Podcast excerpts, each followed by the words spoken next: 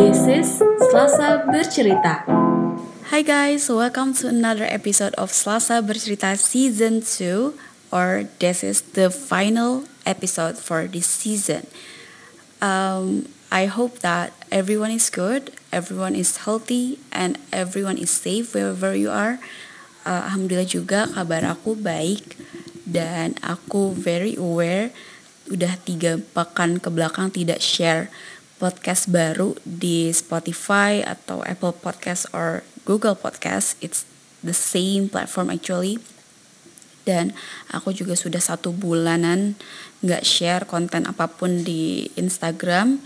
Bahkan kalau YouTube itu sebenarnya udah satu tahun lebih ya dari video yang terakhir aku publish di akhir 2019 waktu itu. Nah, anyway, mungkin update dulu kali ya kabar-kabaran gitu ya. Kalau misalkan aku highlightnya adalah Alhamdulillah sejak April kemarin I started working on my previous job. Waktu itu kan pernah magang juga ya di tempat ini dan Alhamdulillah kembali lagi now as an employee.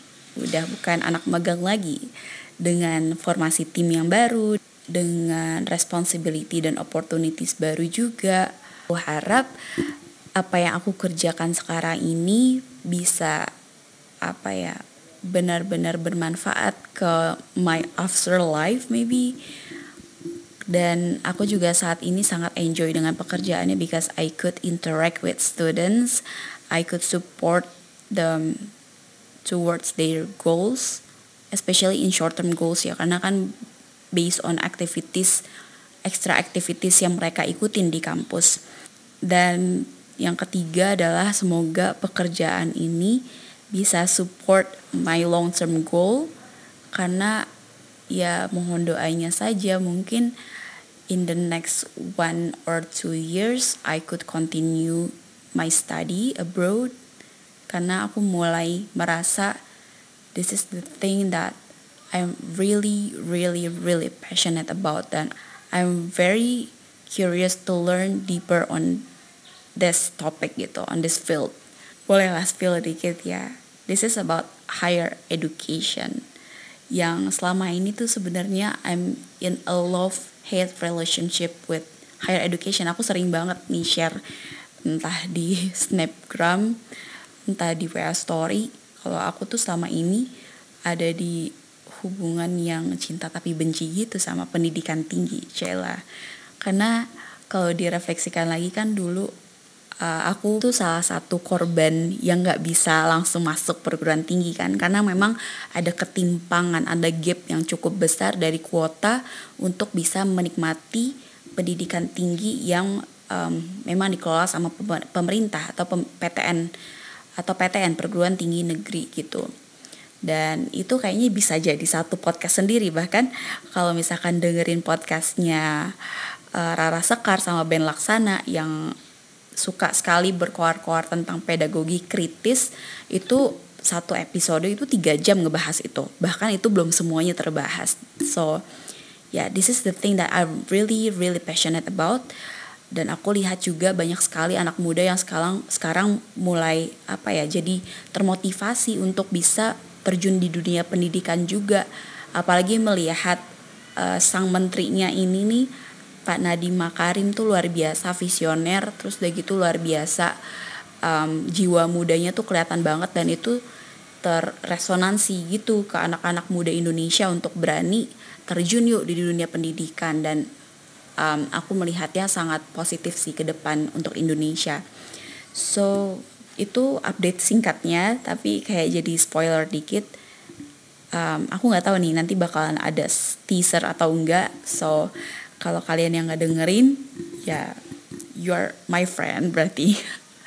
Oke okay, sebenarnya topik yang ingin dibahas kali ini tuh agak random tapi sebenarnya dalam kalau misalkan dilihat dari maknanya ya karena inspirasinya datang dari keyboard laptopku maksudnya gimana? Jadi um, aku kan sudah memakai laptop ini tuh sejak 2019 dan sejak itu tuh aku nggak pernah cover eh, nggak eh, pernah kasih any protection tuh di laptop gitu.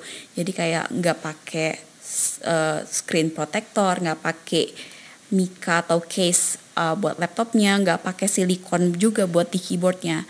Makanya si keyboard ini karena dia tipenya butterfly, jadi nggak tahu kenapa mungkin lebih gampang, lebih fragile gitu ya. Dan mungkin itu juga didukung dengan aku yang ngetik kadang suka pakai emosi gitu kali, suka tekan-tekan gitu. Jadi di sini tuh ada dua keyboard yang copot, guys. Jadi ada keyboard huruf E, huruf apa? Ada keyboard huruf E dan huruf R. Nah, E sama R ini sebelahan. Jadi um, pas ini udah kayak sebulanan, sebulanan gitu deh copot. Dan aku biarin karena masih kepikiran ini apakah menandakan suatu hal gitu kayak ada cocok logi gitu kali ya pikirannya. Um, apakah ini inisial kampus yang harus aku tuju nanti pas um, mungkin mau ambil S2 atau nama kota atau nama potential partners mungkin who knows right? Um, jadi kayak mikir-mikir. Terus kayaknya beberapa hari lalu pas sholat terus kayak tiba-tiba kepikiran E sama R terus sebelahan aku kepikiran banget sama pesan yang suka diulang-ulang sama mentorku waktu di program yang lalu gitu. Jadi teman-teman mungkin familiar kalau misalkan bikin goal atau bikin target itu harus smart, harus um, specific, measurable, attainable, realistic dan timely. Dan itu ada banyak banget kan, udah udah teorinya banyak banget. Tapi mungkin belum banyak juga nih yang tahu bahwa smart itu tidak cukup jadi perlu yang namanya smarter. Smarter itu ada evaluate dan re-evaluate. Jadi ada unsur E dan R di belakang smart itu tadi. Jadi nggak cuma kalau secara bahasa kan artinya nggak cuma cerdas, tapi harus lebih cerdas lagi. Berarti um, ada dua poin sebenarnya dari segi evaluate dan re-evaluate atau um, smart dan smarter tadi. Kalau dari segi bahasa yang awalnya smart aja jadi smarter. Meaning, jadilah orang yang mau belajar gitu, mau terus belajar, nggak nggak cepat puas dengan apa yang sudah diketahui saat ini, apa yang sudah diraih saat ini. For me, that that's the first uh, point that I got to reflect on. Dan yang kedua adalah tadi tentang goal setting itu apakah selama ini kita hanya menuliskan target saja yang smart tanpa dievaluasi dan dievaluasi kembali gitu. Karena kan along the way pasti orang setelah mengalami berbagai pengalaman setelah bertemu dengan orang-orang baru itu pasti akan sangat berpengaruh dengan cara pikir mereka dengan cara pikir orang itu. Jadi um, for me it's very essential uh, untuk bisa mengevaluasi dan mengevaluasi ulang secara reguler tentang goals yang ingin kita capai ke depan. Mungkin kalau misalkan on my case itu dari misalnya nih ya dari SMA aku mulai ada minat nih di bidang sosial dan bidang pendidikan. Jadi ada dua sosial pendidikan itu aku mulai minat. Dan selama gap year itu uh, aku mulai lihat lagi sosial dan pendidikan tapi lebih spesifik ke anak-anak karena waktu itu aku terjun di uh, jadi uh, volunteer teaching volunteer untuk yayasan terminal hujan di kota Bogor. Nah jadi yang sebelumnya hanya sosial dan pendidikan sekarang udah mulai spesifik sosial pendidikan dan khususnya untuk anak-anak. Terus ketika aku masuk kuliah um, beraktivitas terus mulai transisi nih kayaknya nggak aku udah nggak ke anak-anak lagi deh. Kayaknya lebih potensial for me dan aku suka banget itu tentang uh, kepemudaan terutama pendidikan uh, anak-anak muda gitu di Indonesia. Uh, terus berjalan lagi ketika aku masuk organisasi yang terakhir aku develop sama teman-teman bikin program untuk mahasiswa aku mulai tertarik lagi nih dengan kepemudaan tapi dalam konteks higher education gitu karena aku ngelihat potensi si perguruan tinggi ini tuh besar banget ya untuk bisa mencetak um, istilahnya koar-koar jargon pemerintah tuh untuk mencetak sumber daya manusia yang unggul di tahun 2045. Jadi aku penasaran banget apa sih sebenarnya yang bisa perguruan tinggi lakukan atau perguruan tinggi bentuk programnya untuk bisa mencetak sumber daya manusia yang unggul tadi gitu. Dan makin ke sini aku ngeliat um, makin naksir lah sama perguruan tinggi itu. Jadi dengan specifically tentang kemahasiswaannya. Dan itulah yang mungkin ke depannya akan aku dalami uh, for now ya. Uh, karena aku nanti mungkin ke depannya karena tadi harus uh, kembali mengevaluasi secara berkala apakah goals aku ini masih relevan with what I want for now, with what I like for now. Jadi um, mungkin ya tadi sih teman-teman ya um, untuk contoh goal setting ya nggak cukup smart tapi smarter dengan E evaluate dan R re-evaluate dan yang kedua adalah tadi smarter in terms of bahasa kita harus uh, mau terus belajar mungkin kalau misalkan contoh praktikalnya atau contoh realnya yang aku alami e, perbandingan antara antara sebelum e, bekerja sebelumnya waktu itu aku sebagai anak magang dan sekarang sebagai employee ternyata walaupun ada gap 6 bulan atau ada jeda 6 bulan doang itu ada banyak banget perubahan yang terjadi. So I need to be smarter. Aku harus mau belajar.